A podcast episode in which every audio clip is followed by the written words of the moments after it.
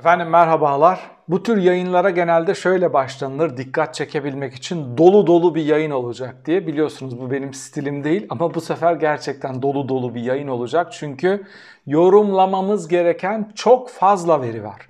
Bir kere iki tane anket şirketinin sonuçları var. İyi Parti'nin ekonomi kongresi var. Bunu görüp panik atak tepkiler veren Erdoğan akademisyenleri ve uzmanları topladı Sırf o İyi Parti'yi gölgede bırakabilmek için, yapacakları açıklamayı gölgede bırakabilmek için niçin bunu yaptığını da açıklayacağım size. Erdoğan'ın açıklamaları var. Demirtaş'ın yaptığı önemli açıklamalar var. Seçimler ve ittifaklar hakkında tüm bunları anket sonuçlarını, partilerin ekonomi programlarını, özellikle İyi Parti'nin e, ortaya koyduğu hem aktörler hem de çözüm önerilerini özetliyorum.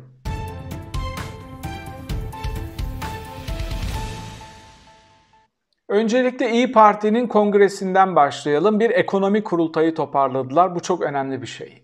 Aylardır altını çizdiğimiz bir ekonomik model çalışın, onu markalaştırın. Türkiye'nin önünde seçimlerde iki tane konu olacak. Görünürde olan parlamenter sistemdi, başkanlık sisteminin karşısında ama ekonomi onun önüne geçti. Evet parlamenter sistemde dersinize iyi çalışmıştınız. Ortaya bir şeyler, bir model koymuştunuz. İnsanlara elle tutulur, gözle görülür bir çıkış e, tüneli göstermiştiniz. Aynısını ekonomide yapmanız gerekiyor demiştik ve İyi Parti kolları sıvadı. Bugün oldukça önemli, önemsiyorum bunu bilimsel açıdan değil. Yani işte orada ekonomi teorileri tartışılacak bir model ortaya küçük. Hayır, seçmene şu sinyali vermeniz bile çok önemli. Biz gördük, dersimizi çalışıyoruz, kontağı açtık. Çok kısa sürede bu tartışmalar neticesinde ortaya adını koyacağımız, markalaştıracağımız Millet İttifakı'nın bir ekonomik programı olacak.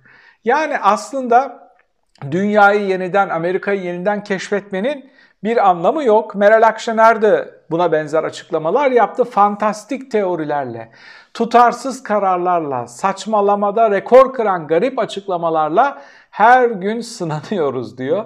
Çok doğru. Yani diyor ki ya bu insanoğlu zaten bunları tartışmış. Bizim buradan çıkış modelimiz belli.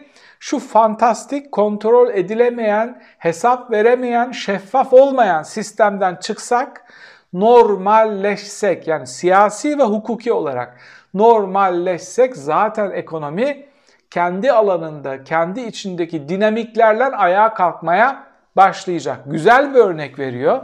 Akşener diyor ki bunlar diyor özel sektörü coşturmakla övünerek öyle iktidara geldiler. Son yıllarda, son 4 yılda 340 bin kişi işini kaybetmiş özel sektörde. 1.3 milyon kişi kamuda iş almış.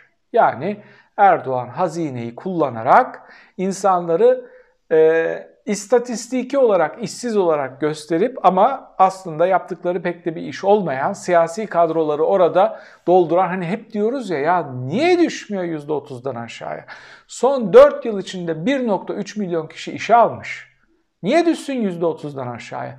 Bunların her birinin 4-5 kişilik ailesi ikna edebileceği yakın çevresi olsa 5-6 milyon oy yapıyor zaten. İnanılmaz bir oran. Son 4 yılda 1.3 milyon kişi işe almış Erdoğan. Devlete, kamuya. E bunun yanında biliyorsunuz nasıl işe alıyor. Sosyal medyalarını kontrol ediyor, referans istiyor, ince eleklerden geçiriyor. AK Parti dışında birinin oraya sızması için gerçekten onun AK Partili olmadığını bilen ve ona göğüs geren çok güçlü bir dayısının olması gerekiyor. E bir bu kadar da sosyal yardım verdiği adam olsa işte düşmüyor. Düşmeyecek. Yani kemikleşmiş oylarının %25-30 civarında olduğunu görüyoruz. Kararsızlar dağıtılmadan %25'e kadar geriledi ama oradan geriye gitmiyor. Akşener de aslında bu örnekler onun altını çiziyor. Şimdi burada önemli bir şey daha yaptı Akşener. Kongreye iki tane CHP'li çağırdı. İyi Parti Kongresi akademisyenleri vesaireleri çağırdı ama iki de CHP'li çağırdı. Akşener ısra, ısrarla bir sinyal veriyor. Mansur Yavaş, Ekrem İmamoğlu. Biz bunlardan birini aday yapacağız diyor. Yaptığı ekonomi kongresine de bu iki belediye başkanını davet ediyor. Bu önemli bir sinyal. Yani Kılıçdaroğlu aynı açıklamasını tekrarladı biliyorsunuz. Tekrar soruldu ona aday olacak mısınız diye. İttifak uygun görürse neden olmasın onur duyarım dedi. Göreceğiz. Görünen o ki ittifak sinyalleri o istikamette değil. Ama Kılıçdaroğlu bu açıklamalarına devam ediyor. Ortada duran bir soru var. Bu bir taktik çıkış mı? Potansiyel adayları yıpratmamak için bildiğimiz Kılıçdaroğlu stratejilerinden biri mi bu? Yoksa gerçekten gerçekten istiyor mu aday olmayı? Şöyle de bir durum var. HDP seçmeni aslında Kılıçdaroğlu'na sempatik bakıyor. Oradaki en önemli kartlardan biri, Kılıçdaroğlu'nun elinde olan en önemli kartlardan biri bu. Ama hepsi değil. Hepsi değil. Yani HDP yönetimi vesaire onun potansiyel liderliğine mesela Mansur Yavaş'tansa Kılıçdaroğlu'nu tercih ederler. Ama bu kart yeterli değil, bu kartın yeterli olmadığını zaten hep birlikte biraz sonra tartışacağımız anketlerde de göreceğiz. Meral Akşener'in hem Mansur Yavaş'ı hem Ekrem İmamoğlu'nu ekonomi kongresine davet etmesi çok açık bir sinyaldir. Bizim adayımız bu iki belediye başkanından biri Kılıçdaroğlu'na ya da CHP yönetimine şunu diyorlar. Siz birini seçin. Biz size bu iki adayı gösteriyoruz. Siz birini seçin. Benim şahsi öngörüm şu istikamette. Saadet, Deva ve Gelecek partilerinin de aynı ya da benzer duruşu sergileyeceklerini düşünüyorum. HDP'nin de benzer bir duruş sergileyeceğini ama Mansur Yavaş'tansa Ekrem İmamoğlu'nu tercih edebileceklerini öngörüyorum, düşünüyorum. Bakalım neler olacak. Onu tartışmaya devam edeceğiz. Ama bakın şimdi sınıflarda kıskanç öğrenciler olur. Aslında çok çalışkan değildir ama hırslıdır. Biri bir şey yaptığı zaman o da hemen aynısını yapmaya çalışır. Ne diyorduk? Ekonomi. Ekonomide verilecek somut sinyaller Erdoğan'ın en büyük korkusu. O ikinci korkusu ne? Parlamenter sistem. Parlamenter sistem gölgede kaldı mı? Kaldı. Ekonomik çöküş o kadar derinlemesine vuku buldu. O kadar şiddetli fay hatlarını tetikledi ki parlamenter sistem mi, başkanlık sistemi mi tartışmalarının önüne geçti. O bitti o tartışma zaten. İnsanlar garip bir şekilde Türkiye'deki çöküşün başkanlık sistemiyle vuku bulduğunu zannediyor. Hayır. Birincisi bu bir başkanlık sistemi değil. Bu bir otokratik tek adam rejimi. Başkanlık sistemlerinin hakkını yemeyelim. Başkanlık sistemlerinde olan kuvvetler ayrılığı, denge denetim mekanizmaları, medya özgürlükleri, bağımsız yargı yani Erdoğan rejimine başkanlık sistemi demek siyaset bilimine ve başkanlık sistemine en büyük, en ağır hakarettir. Bu otokratik bir tek adam rejimidir. Yolsuzluğa batmış, bunun neticesinde de büyük bir ekonomik çukura düşmüş, orada debelenen, çıkmaya çalışan, komik komik açıklamalar yapan, bir gün Çin modeli deyip ertesi gün dolara geleceğini dolara endeksleyen, bir gün dış güçler deyip ertesi gün Fed'in Amerikan Merkez Bankası'nın artıracağı faizlere endeksli bir çözüm paketi sunan garip, aklı başında olan adamların aslında vakit harcayıp yorumlamaya vakit bile ayırmaması gereken bir garabet içinde. Ama ne yaptı Erdoğan? İyi Parti o kongreyi düzenleyince Erdoğan da ekonomist akademisyenleri ve kendisi gibi dünya çapındaki ekonomist uzmanları çağırdı saraya. Hep birlikte yeni yeni teoriler düşünecekler, yeni yeni modeller düşünecekler. Tabii ki böyle bir şey yapmayacaklar. Toplanmalarının iki tane nedeni var. Birincisi İyi Parti'nin ekonomik mesajlarını gölgede bırakmak. Medyada onun ön plana çıkmasına mani olmak, yapacağı çok etkileyici, büyük büyük açıklamalarla oradan gelecek e, mesajları gölgelemeye çalışmak. İkincisi ne? İkincisi de şöyle. Hani Nasrettin Hoca kardan bir helva yapmış sonra demiş ya ben yaptım ama ben de pek beğenmedim. İşte şimdi Erdoğan'ınki de aynı hesap. Yani biz bir şey yaptık ama dün Çin modeli diyorduk, şimdi Venezuela'ya dümen kırdık. Yarın yarın bir oyun teorisi yapalım. Bizim elimizdeki kartlar bu. Bunu bunu bunu böyle oynadık. Yani Haziran'da ne olur? Buralar düzelir mi? Şurayı kotarabilir miyiz? Gibi bazı oyun teorileri yapacak. Ne için? Baskın bir seçim için. Erdoğan'ın kafasında tek bir şey var. Vatan, millet, Türkiye, hazine bunlar hepsini bozuk para gibi harcayabilir. Ne için? Acil bir şekilde, ivedi bir şekilde baskın seçim yapıp onu kazanabilmek için. Peki bu olabilir mi? Biraz sonra onu anketlere bakıp söyleyeceğiz. Bir de şunu unutmayın bakın sevgili dostlar. Hep şunu konuşuyoruz değil mi? İşte 128 milyar dolar nerede? Onu bozdu. O para 150 milyar doları aştı. Arada yaptığı e, bozdurmalarla birlikte. Aslında en önemli soru şu. Hepimiz şunu çok iyi biliyoruz. Bu 150 milyar dolar yani bir devlet kuracak kadar bir para bu. Öyle bir para.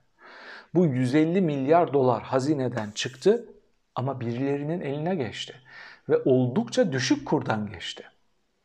Bu para kimdeyse önümüzdeki seçim sonuçlarını doğrudan etkileyebilecek hamleleri yapacak olan aktörlerde bunlar.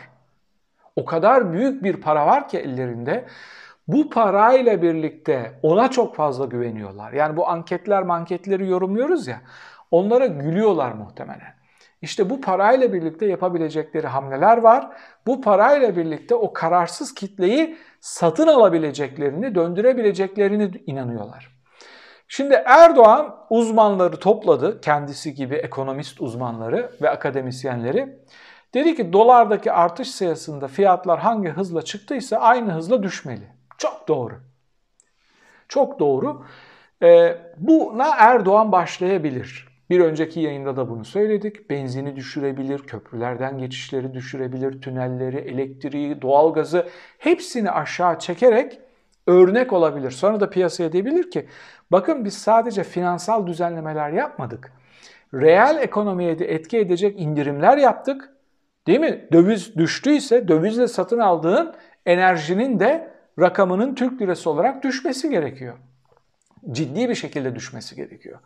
Bunları yaptıktan sonra diyebilir ama şunu unutmayın. Yine bir önceki yayında size neyi anlattım? Şimdi siz bir şunu üretiyorsunuz. Bunu üretebilmek için dün döviz satın aldınız. Dün Erdoğan sizi kandırdı. Dedi ki faizleri artırmayacağım. 18 liraydı döviz. Gittiniz ham maddeyi yatırdınız ya daha da çıkıyor dediniz ve 1 milyon dolarlık ham madde boya aldınız. Ne oldu pazartesi? Dün bir şey yapmayacağım diyen Erdoğan seni tuzağa düşürdü. 7 milyar dolar daha bozdu. Faiz artı döviz üstüne garantili, faizli, kredili şeyler açıkladı, paketler açıkladı. Dolar düştü 12 liraya. Ama sen ham maddeyi 18 liradan aldın. E aldın sen bunu. Şimdi doların düşmesi seni etkiliyor mu? Etkilemiyor. Ham maddeyi aldın, satı 18 liradan aldın. İşte onun için fiyatlar düşmeyecek. Fiyatların düşmesi için bu rakamların en az 3-4 ay bu şekilde devam etmesi gerekiyor. Hadi diyelim bu ham maddeyi 18'den alan adam kar etmedi ama 3-4 ay zarar etmeden eski fiyattan rekabet edebilmek için yoluna devam etti. Normal şartlar altında bu adamı batırdınız. İflas etti bu adam. Küçük yatırımcı da böyle oldu. Bir de dedi ki Önümüzdeki yaz aylarıyla birlikte Türkiye coşacak, şöyle olacak, böyle olacak. Bu neyin sinyali? Önümüzdeki yaz aylarında seçim yapmak istiyor. Ağzındaki baklayı aslında çıkarttı. Dört gözle önümüzdeki yaz aylarında seçim yapmak istiyor. Daha fazla erteleme şansı yok ama yaptığı hamleler etkili olmuyor. Piyasaya yansımıyor oy oranına yansımıyor. İşte onun için akademisyenleri çağırıyor ve yeni hamleler yapacak. Elindeki nakiti kullanacak. Nasıl yaparız, nasıl giderizin oyun teorisini çalışıyor ve diyor ki gururla IMF'le herhangi bir kontağımız yok. Şimdi birincisi şu, sen %23 ile 24 ile borçlanıyorsun. Dünyada en yüksek faizle borçlanan ülkelerden bir tanesisin. IMF'in kapısına gitmek aşağılık bir şey değil. IMF ekonomileri kurtarabilmek için Dünya Bankası'nın bir fırsatı. Yani size yok parasına şey veriyor, para veriyor ve ekonomini kurtarıp küresel sistemin içine çekmeye çalışıyor. Erdoğan IMF ile irtibatımız yok diyor Ama zaten olamaz. Neden? IMF para verdiği zaman diyecek ki hukuka dön. Özgür bir yargın olsun. Özgür bir medyan olsun. Şu şu şu şu şu reformları yap. Erdoğan hukuka dönebilse IMF'e ihtiyacı yok ki Türkiye'nin dinamikleri bu kadar genç nüfusu, tüketim alışkanlıkları yüksek olan, Avrupa'ya üretim yapabilen, turizm altyapısı olan bir ülkenin ekonomisi zaten coşacak. Erdoğan hukuka dönemediği için Türkiye battı. Erdoğan demokrasiye dönemediği için ülke yerle bir oldu. IMF'le kontağımız yokmuş. IMF'le kontağın olamaz. IMF'le bir anlaşma yapma şansın yok. IMF'le anlaşma yaptığın zaman Türkiye'de özgürlükler geri gelecek, Türkiye'de siyasi mahkumlar dışarı çıkacak, Türkiye'deki siyasi tablo tamamen değişecek. Çok daha hızlı değişecek. IMF'le kontağımız yok değil. IMF'le kontağın olamaz. IMF medeni ülkelerin, demokratik ülkelerin, hesap verebilir ülkelerin gidebildiği bir kapı. Onun için IMF'le kontağınız yok olduğu gibi hiç de olmayacak. Çünkü olamayacak. Olamaz. Özetle şunu söyleyebiliriz Erdoğan'la alakalı ve AKP ile alakalı. Enflasyon düşmeyecek. Enflasyon aynı oranda devam edecek. Sadece enflasyonu tetikleyen, etkileyen etkenler değişmiş olacak. Erdoğan'ın yaptığı bu son hamleyle beraber. Bir de şu yayınlandı biliyorsunuz medyada. En çok dolar alan illeri açıkladılar. Ne çıktı? Aksaray, Nevşehir, Yozgat, Kayseri, Erdoğan'ın kaleleri. Yani daha dün sokaklarda dolar bozduran, dolar işte kasaturayla kesen, yakan adamlar meğer sahte dolarları tabi halay çekenler meğer en çok dolar alanlarmış. Neden? Zaten muhafazakar kesim gidip faize para yatırmaz. Erdoğan diyor ki faize para yatırın. Ya nas nas nas diye gezen adam diyor ki özetle muhafazakarlara ben Müslümanım diyor. Müslümanlara diyor ki faize para yatırın. Düşük mü geldi? Üstünü ben dolar kuruyla ekstra faiz vereceğim size. Ekstra tamamlayacağım. İnanılmaz bir tablo. Şu tabloyu midesine sindirebilen ve ben inanç sahibiyim diyen ve halay çekenlere takılmayın. Neden takılmayın biliyor musunuz? Bakın dolar alıyor adamlar. O halayların vesairelerin hepsi kurmaca. Çok konuşuldu. Morallerinizi bozmasın. Oy oranlarına yansımayacak. Bunların hepsi kurmaca, düzmece, egzantrik, akla hayale gelmeyecek, sizin moralinizi bozabilmek için yapılmış tiyatrolar. Erdoğan ilizyon yapıyor bir sihirbaz gibi. Onlar da tiyatro oynuyor. İletişim Başkanlığı'nın hazırladığı raporlar çerçevesinde algıyı yönetiyorlar. Türkiye'yi yönetemedikleri için, ekonomiyi yönetemedikleri için, hukuku yönetemedikleri için mecburen algıyı yönetiyorlar. Bunu yapıyorlar mı? Dört dörtlük yapıyorlar. Gerçekten dört dörtlük yapıyorlar. Ama şunu unutmayın, ip üstündeki jonglör dengesini kaybetti. Tüm tabaklar raydan çıktı. Henüz hepsi yere düşmedi ama hepsi yere düşecek. Kendisi de düşecek. En son kendisi o kırık tabakların üstüne düşecek. Şimdi tüm bunlar vuku bulurken Demirtaş da bir açıklama yaptı. Dedi ki hiç korkmayın demokratların yanındayız ben şu hapishaneden, şu hücreden aday olsam Erdoğan'a karşı seçim kazanırım. Siz dışarıdasınız, siz çok daha rahat kazanırsınız. Yeter ki birlik olun, demokrasi etrafında kenetlenin ve birbirinize olan güveninizi artırın. Ve diyor, diyor ki biz merak etmeyin, biz varız, birlikte kazanacağız, mutlaka kazanacağız. Bakın, Demokratik Kürt Hareketi, Türkiye Partisi kurdu ve Türkiye'nin otoriterleşmeden kurtulabilmesi için kilit güç noktasına geldi. 90'lı yıllarda onları düşman olarak gören, gören Kemalist cepheye el uzattı. Gelin biz silahlı mücadele karşısında bir alternatif kurduk. Siz de şu elimizden tutun diyorlar. Bu çok önemli bir çıkış. Türkiye bir otokratik rejimi seçimle yenerek tekrar demokrasiye dönmeyi başarabilen ülke olarak siyaset literatürüne geçebilir.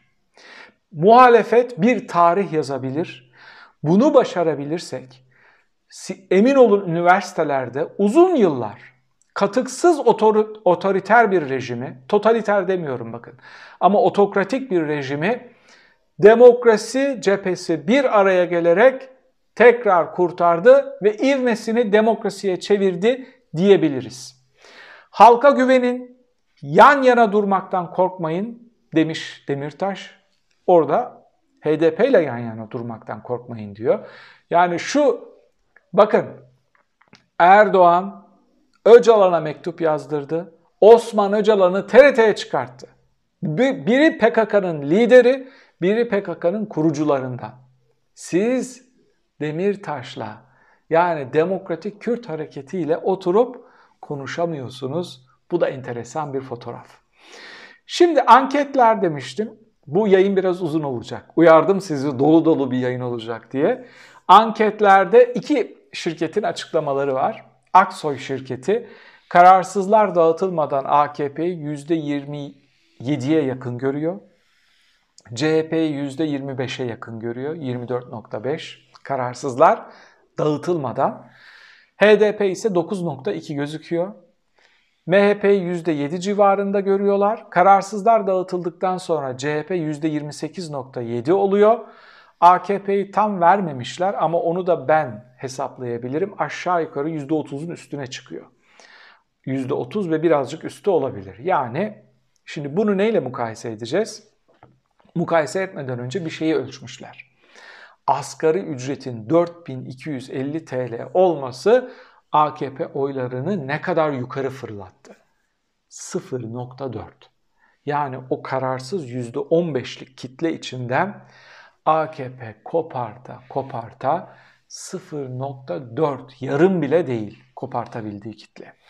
Demek ki demek ki o kararsızlar AKP'den kopma kararını vermişler. Onlara ekonomik bir alternatif sunabilirseniz, tünelin ucunda çıkışı olan ekonomik bir model sunabilirseniz muhalefet bu kitleyi kazanabilir. Peki araya şirketinin sonuçlarına bakalım. Bunlar da çok ciddi bir şekilde tartışıldı geçen hafta Türkiye'de. Şimdi araya şöyle bir sonuç bulmuş. AKP'yi Aksoy ile birlikte neredeyse aynı sonuçları açıklamışlar. Aynı bulmuşlar. Kararsızlar dağıtıldıktan sonra %30.5. AKP %30'luk bir parti oldu. %42 idi sene başında %30'a kadar geriledi. Bu yüksek bir oran mı? Bu çok yüksek bir oran. Ama düşüş ivmesi devam ettiği için %42'lerden, e, 43'lerden 30'a düştüğü için ve erime devam ettiği için buna kısmen olumlu bakabiliriz. CHP kararsızlar dağıtıldıktan sonra 27.2 çıkmış. Aksoy'da da 28 çıkmıştı. Benzer sonuçları bulmuşlar. Biliyorsunuz bu anketlerin %2-3 e, hata payı olabiliyor. CHP'yi %27 bulmuşlar. İyi Parti %15.8 yükselişi az da olsa devam eden bir parti. %14'lerle %16 arası ölçülüyor İyi Parti. Ben de bu oranlarda olduğuna inanıyorum İyi Parti'nin. HDP'yi %10 ölçmüşler kararsızlar dağıtıldıktan sonra. HDP seçmeni biliyorsunuz anketlere yansıdığından hep fazla çıkıyor. Ben buna çok dikkat ediyorum. İyi kötü insanlar çekiniyorlar HDP'ye oy vereceğim demeye. Onun için HDP %10 çıkıyorsa bunu 11-12 diye görmemiz gerekiyor minimum. 13'ü var ama 10'u yok. Yani HDP'nin onun üstünde olduğunu düşünüyorum. MHP'yi %9 ölçmüşler kararsızlar dağıtıldıktan sonra MHP barajı aşabilir. Yani e, duygusal olarak ülkücülere seslendiği zaman ödünç oy verin vesaire dediği zaman o üç hilalle gönül e, bağı kurmuş olan kitle çok seri bir şekilde sırf stratejik olarak MHP'yi baraj üstü tutmak için MHP'ye dönebilir. Deva Partisi merak edilen partilerden benim. Benim de hep ilgiyle baktığım sonuçlar nerede, nasıl görünüyor diye. Deva da küçük küçük olsa da yükselişini devam ettiriyor. %4 civarında gözüküyor. Diğer tüm partilerin oy oranı %3,5. Kararsızlar %19 ama benim bu açıkladığım oranlara kararsızlar dağıtılmıştı. Onun için burada kararsızları vermemin çok manası yok ama stratejik olarak dikkat etmemiz gereken bir veri. Türkiye'de %19 kararsız kitle var. Yani Türkiye'nin en büyük üçüncü partisi kararsızlar. Bu çok ciddi bir oran. Her şeyi bırakıp muhalefetin kararsızlar üstüne strateji yürütmesi gerekiyor. Peki geçtiğimiz yıl e, Araya şirketine göre partiler ne kadar eridi? Hızlı hızlı onları söyleyip yorumu tamamlayacağım. Araya'ya göre AKP %37.6'dan %30.5'e düşmüş. %7'lik bir erime var. MHP %10.4'ten %9'a düşmüş. %1,5'luk bir erime var. Bu anketlerin hata payı en az %2. Onun için MHP durduğu yerde duruyor bile diyebiliriz. Cumhuriyet Halk Partisi %21'den %27'ye çıkmış. Araya'ya göre iyi bir artış diyebiliriz. Büyük bir patlama değil ama iyi bir artış. İyi Parti %13,5'tan %15,8'e çıkmış. %2'lik, 2 küsürlük bir artış. HDP %11'den %10'a inmiş. Yani statik, stabil %11 civarında diyebiliriz HDP'ye. Deva Partisi oylarını neredeyse 3'e katlamış. 1,5'la başladığı seneye %4 ile tamamlamışlar ama Kasım'da 4.4'ü de görmüşler. Neredeyse 3,5 katına çıkmışlar diyebiliriz. İttifakların oy oranlarını önümüze koymuş. Cumhur İttifakı yani AKP ve MHP'nin oluşturduğu Cumhur İttifakı seneye %48 ile başlamışlar. Şu anda 39,5'talar. Bu bir iflas deklarasyonu. Ben Cumhurbaşkanlığı seçimlerinde Cumhur İttifakı'nın oy oranının yani partilerinin oy oranının üstüne Erdoğan'ın %4 gibi falan bir şey koyabileceğini düşünüyorum. Erdoğan'ın alabileceği oy oranının 44 ile 46 arasında olacağını düşünüyorum. Millet İttifakı'nın oy oranı 35 ile başlamış. 42 hatta 43 ile 42.9 ile bitirmiş. %8'lik bir artış var. 43 ile bitirmiş. Bunun üstüne sadece HDP'nin desteğini koysak 53-54'e geliyor. Cumhurbaşkanlığında doğru adayı buldukları takdirde bu iş teorik olarak bitmiştir diyebiliriz. Bu ekonomik verilerle, bu hamlelerle büyük büyük dönüşümler beklemeyin. Buradan çıkış yok. İki tane daha sonuç açıklıyorum. Cumhurbaşkanlığı hükümet sistemini başarılı buluyor musunuz sorusuna hayır diyenlerin oy oranı %65. Bu potansiyel olarak şeyi de gösteriyor. Muhalefetin yürüyebileceği alanı da gösteriyor. Yani orada ulaşabilecekleri maksimum oy oranı %65. Başarılı buluyorum diyenlerin oy oranı %30, Cumhur İttifakı'nın %30'u başkanlık sistemini başarılı bulmuyor kendi seçmenlerinin her üç seçmenlerinden biri başkanlık sisteminin e, rezil bir tercih olduğunu söylüyor. Çakılmadır bu. Yani yani atı aldı ama Üsküdar'ı geçemedi. Demişti ya Erdoğan atı alan Üsküdar'ı geçti diye mühürsüz pusulalar sorulduğunda. Hayır. Atı aldın ama Üsküdar'a çakıldın. Karşıya geçemiyorsun. Sizce Türkiye'nin Yönetim sistemi ne olmalı denildiğinde parlament, güçlendirilmiş parlamenter sistem %65 çıkıyor. Güçlendirilmiş parlamenter sistem, doğru bir ekonomik program ve doğru bir adayla muhalefetin hitap edileceği havuz %65 olduğunu görüyoruz. Hükümetin ekonomi politikaları başarılı mı? %75'i hayır, başarısız. %20'si sadece başarılı diyor, %4 kararsız. En çok bu kararsızlara kızıyorum. Çık adam gibi destek ver ya. Çık adam gibi destek ver ya. Bu kadar yutkunma. Ne demek kararsız? İflas etmiş %4 kararsızım. Yani AKP'ye destek verenlerden çok şu soruya kararsızım diyenlere sinirleniyorum. Evet, fotoğraf bu. Oldukça uzun bir yayın oldu. Ve kendi belirlediğim çerçeveyi aşmış oldum. Dolar dursa erime durmuyor hem siyasi erime devam ediyor hem ekonomik erime devam ediyor. Bu mevcut verilere göre, bu mevcut verilere göre umut var olabilirsiniz. Kesinlikle, kesinlikle AKP'nin buradan meşru, rekabetçi ve demokratik bir seçimle buradan çıkma şansının olmadığını düşünüyorum. Bir sonraki anketler birazcık daha ön plana çıkacaktır. Birazcık daha netleşecektir. Zira bu modelin başarısını da tartışacağız. Ya da halk nezdindeki etkisini de tartışacağız. Ben Erdoğan'ın şapkadan tavşan çıkartma denemelerinin devam edeceğini düşünüyorum. Ellerindeki o 150 milyar dolarla hamleler yapacaklarını düşünüyorum. Ama bu tabloyu değiştiremeyeceklerini düşünüyorum. Siz ne diyorsunuz? O 150 milyar dolar tekrar piyasaya sürülse bu tabloyu tersine çevirme ihtimalleri olduğunu düşünüyor musunuz? Muhalefet cephesinden bu gidişatı yorumlamanızı rica edeceğim yorum köşesinde. Bir sonraki videoda tekrar birlikte olmak üzere efendim. Hoşçakalın.